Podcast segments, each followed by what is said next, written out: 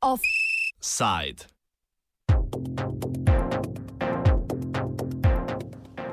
Preprosto fleksibilni.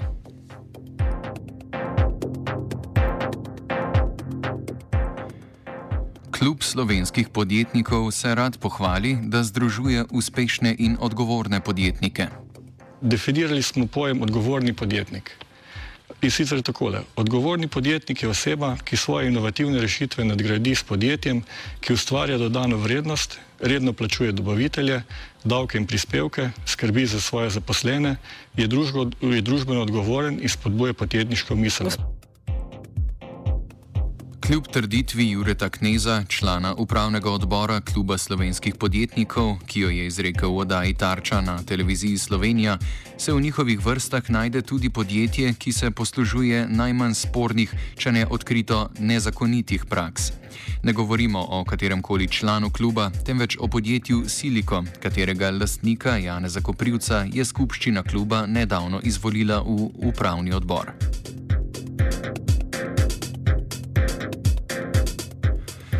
Siliko proizvaja izdelke iz plastike, gume in silikona, med drugim za avtomobilsko industrijo in belotehniko.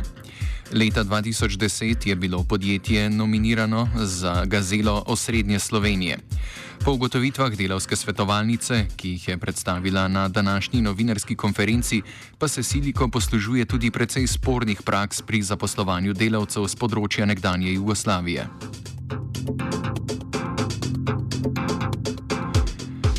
V delavski svetovalnici so se dokopali do pogodbe, po kateri se delavec zavezuje, da bo Siliku povrnil stroške pridobitve delovnega dovoljenja, ukolikor bo prenehal z delom v podjetju prej kot v enem letu. Relevanten del pogodbe predstavi Goran Lukič iz svetovalnice. Pogodbeni stranki se dogovorita.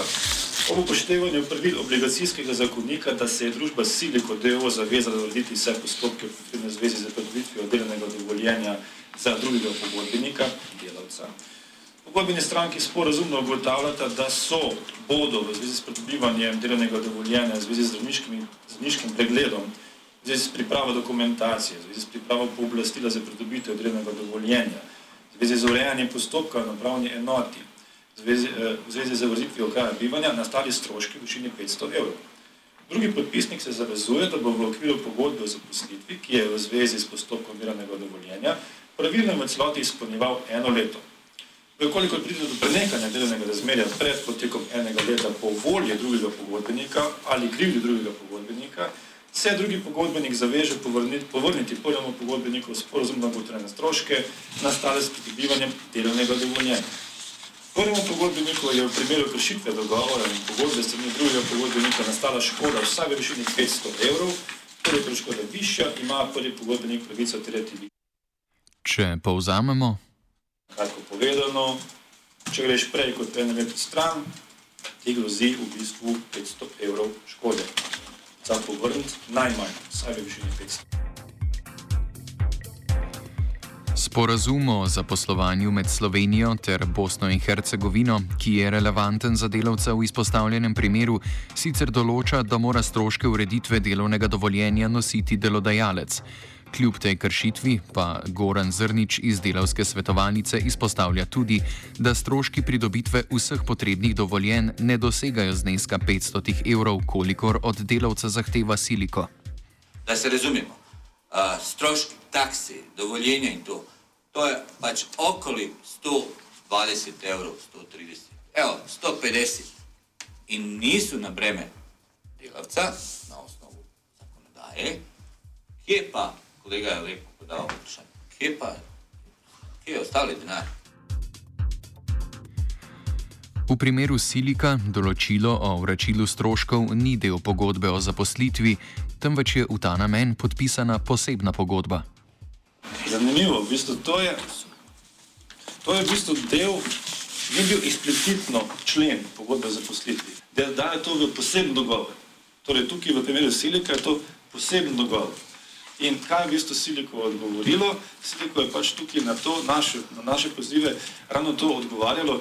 pred sklenitvijo delovnega razmerja se pogodbeni stranki ob upoštevanju pravil obligacijskega zakonika dogovorita, da bo pač družba Siliko delala eh, vse postopke v zvezi s pridobitvijo dovoljenja, torej ureja razmerje pred sklenitvijo pogodbe za poslitev. Kljub temu pa je očitno, da se določilo veže na pogodbo o zaposlitvi. Ampak to se direktno veže na, na delovno razmerje. To je logično. Brez, zakaj bi delal dogovor brez pogodbe za poslitvi? ali delovnega dovoljenja. Logično. Kot je omenil Lukič, siliko prakso vezave delavcev v delovno razmerje upravičuje z dejstvom, da omenjeno določilo ni del pogodbe o zaposlitvi. Tako naj bi to razmerje urejal obligacijski zakonik in ne delovno pravna zakonodaja. Smo dobili strani novopečene vodje kadrovske službe v Siliku dolg odgovor, da tukaj le pa gre za obligacijski zakonik, ne gre za delovno zakonodajo, da gre za zadevo, ki v bistvu iz njihove strani očitno ni problematična. No, tako se razumem njihov dolg odgovor.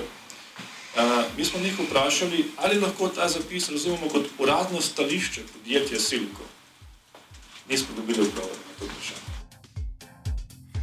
Tudi mi smo želeli preveriti, ali je to uradno stališče podjetja, a neuspešno, saj so bili danes vsi pristojni odsotni.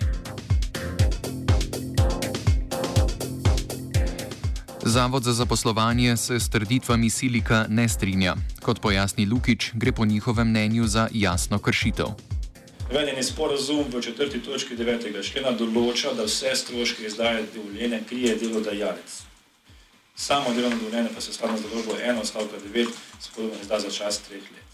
Glede na navedene določbe sporozuma menimo, da je spodaj pripeti dogovor, ki se sklicuje, da so v zvezi s postopkom pridobivanja delovnega dovoljenja nastali stroški v višini 500 evrov in da jih mora pogodbenik delavec v primeru prenehanja razmerja pred enim letom povrniti kot sporozum dokljene kršitve eh, nastale s pridobivanjem delovnega dovoljenja, neustrezen in dejansko pomeni kršitev 9. člena mednarodnega sporozuma.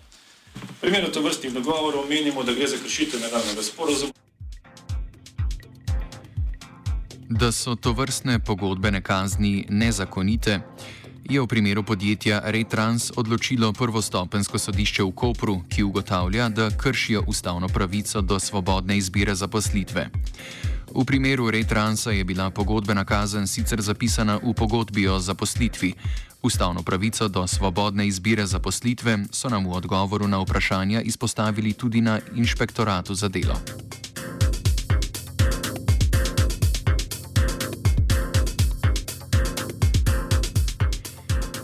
V delovski svetovalnici Klub slovenskih podjetnikov pozivajo k izključitvi podjetja Siliko, saj je njihovo delovanje v nasprotju z vizijo kluba, da z gledom poštenega podjetništva spreminja dogajanje v slovenski družbi. Klub slovenskih podjetnikov ni bil na voljo za komentar za ta prispevek.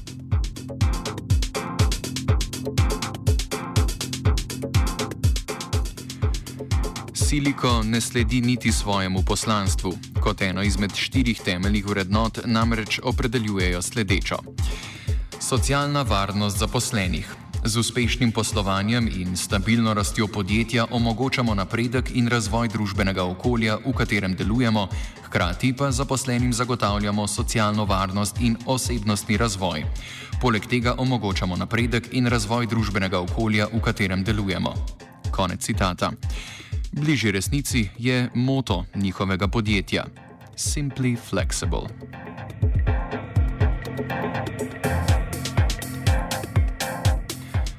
Še bolj odkrito kot Siliko pa skuša delavce na se vezati podjetje CPG Visoke gradnje. Ta je v izključni lasti podjetja CPG, ki je del koncerna Kolektor, CPG je med drugim izbrani izvajalec za gradnjo dostopnih cest do trase drugega tira. CPG je podobno pogodbeno kazen, a še višjo v znesku 1000 evrov, zapisal kar neposredno v pogodbo o zaposlitvi. Izsek iz pogodbe iz predstavi Lukič. Delodajalci za delavce na svoje stroške pridobijo delovno dovoljenje, ukolikor je bilo to, je bilo to potrebno tudi MPK, nastavno poklicno kvalifikacijo.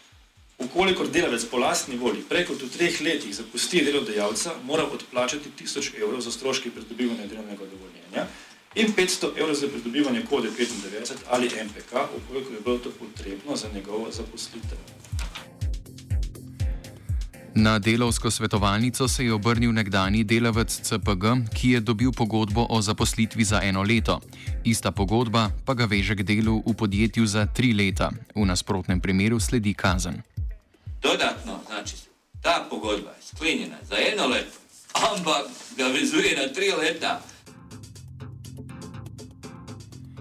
Kot pojasni Goran Zrnič, je delavec dobil odpoved iz poslovnih razlogov. Že ti razlogi so potencialno sporni. Zamik začetka del na projektu Drugi tir. V tej konkretni zadevi delavec je delal uh, kot voznik v tem podjetju, potem so mu rekli, da iz nekih določenih razlogov niso. Ni mu všeč to, kar dela, kak dela, sploh ni pomembno, da je bo, bojo mu dali pogodbo, uh, redno odpoved iz razloga, iz poslovnih razlogov. Nekaj, kar je zelo interesantno v, tem, v tej odpovedi. Razlog odpovedi je odlaga, odloga izgradnje dostupnih cesti za drugi tir za neznani čas. Ne? Oni se zbrani za to delo in na to nekaj su napisali, a, moguće lahko rečem da su imali samo sreću da delovac nije prišao najprej do kakšnega odvetnika pa uložio tužbu zopet te redne odpovedi takšnih poslovnih razlogov. Evo, Kljub temu, da je delovno razmerje odpovedal delodajalec in ne delavec, to delodajalca ni ustavilo, da bi delavcu izstavil račun za urejanje delovnega dovoljenja.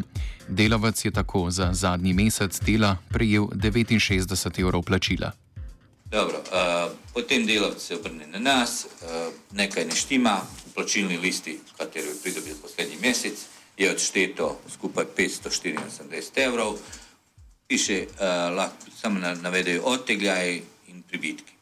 Kaj to pomeni? Potem pridemo malo uh, dalj v zadevi, najdemo to pogodbo in to pomeni natančno to, kar je kolega rekel. Po članu 13 tega uh, se omenja tisti 1000 evrov in 500 evrov, uh, da rečemo neke določene škode, katero trpi, tako rečem, delodajalec. Tako da je delavc pridobil eh, 69 evrov celih plače za mesec dni dela. Ob tem, ko je dotični delavec dobil odpoved iz poslovnih razlogov, delodajalec pa mu je zaračunal kazen, pa je CPG po trditvah Zrniča zaposloval nove delavce. Smo vprašali tega delavca, kljub temu, da si ti pridobil odpoved o zaposlitvi, iz takšnih in takšnih razlogov, ali so drugi delavci priha spet prihajali iz uh, Bosne in Hercegovine, ali so, ali so drugi delavci zaposlovali na tvoje mesto voznika, tovarnega vozila. In smo pridobili pod, pod, pod en odgovor, ki je rekel, ja, vsak dan pridejo dva, tri nova. Ukolikor to drži, CPG stroške dela znižuje z iztiskanjem odslovljenega delavca in zaposlovanjem novih. Kot eno izmed strateških usmeritev podjetja na spletni strani navajajo povečevanje konkurenčnosti z znižanjem stroškov s čim boljšo izrabo delovnih sredstev in zaposlenih.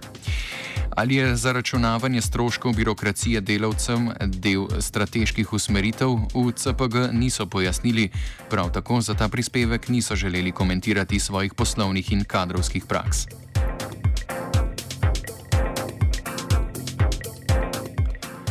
Lukič prispevek zaključuje z razmislekom o umestitvi tovrstnih poslovnih prijemov v širšo sliko slovenskega gospodarstva. Mogoče za piko nekaj mi opažamo, da v bistvu zelo, zelo jasno. Primankuje kadrov, tako rečejo pač delodajalci. Kadrovski bazen, tako je beseda delodajalcev, se izpraznjuje, gradi jih panika. Kaj delajo v bistvu obstoječi kadri, ki ga imajo, poskušajo očitno za vsako ceno na sebe, torej vleči čim dlje časa. Offside je pripravil Twitter. Slušate Radio Student.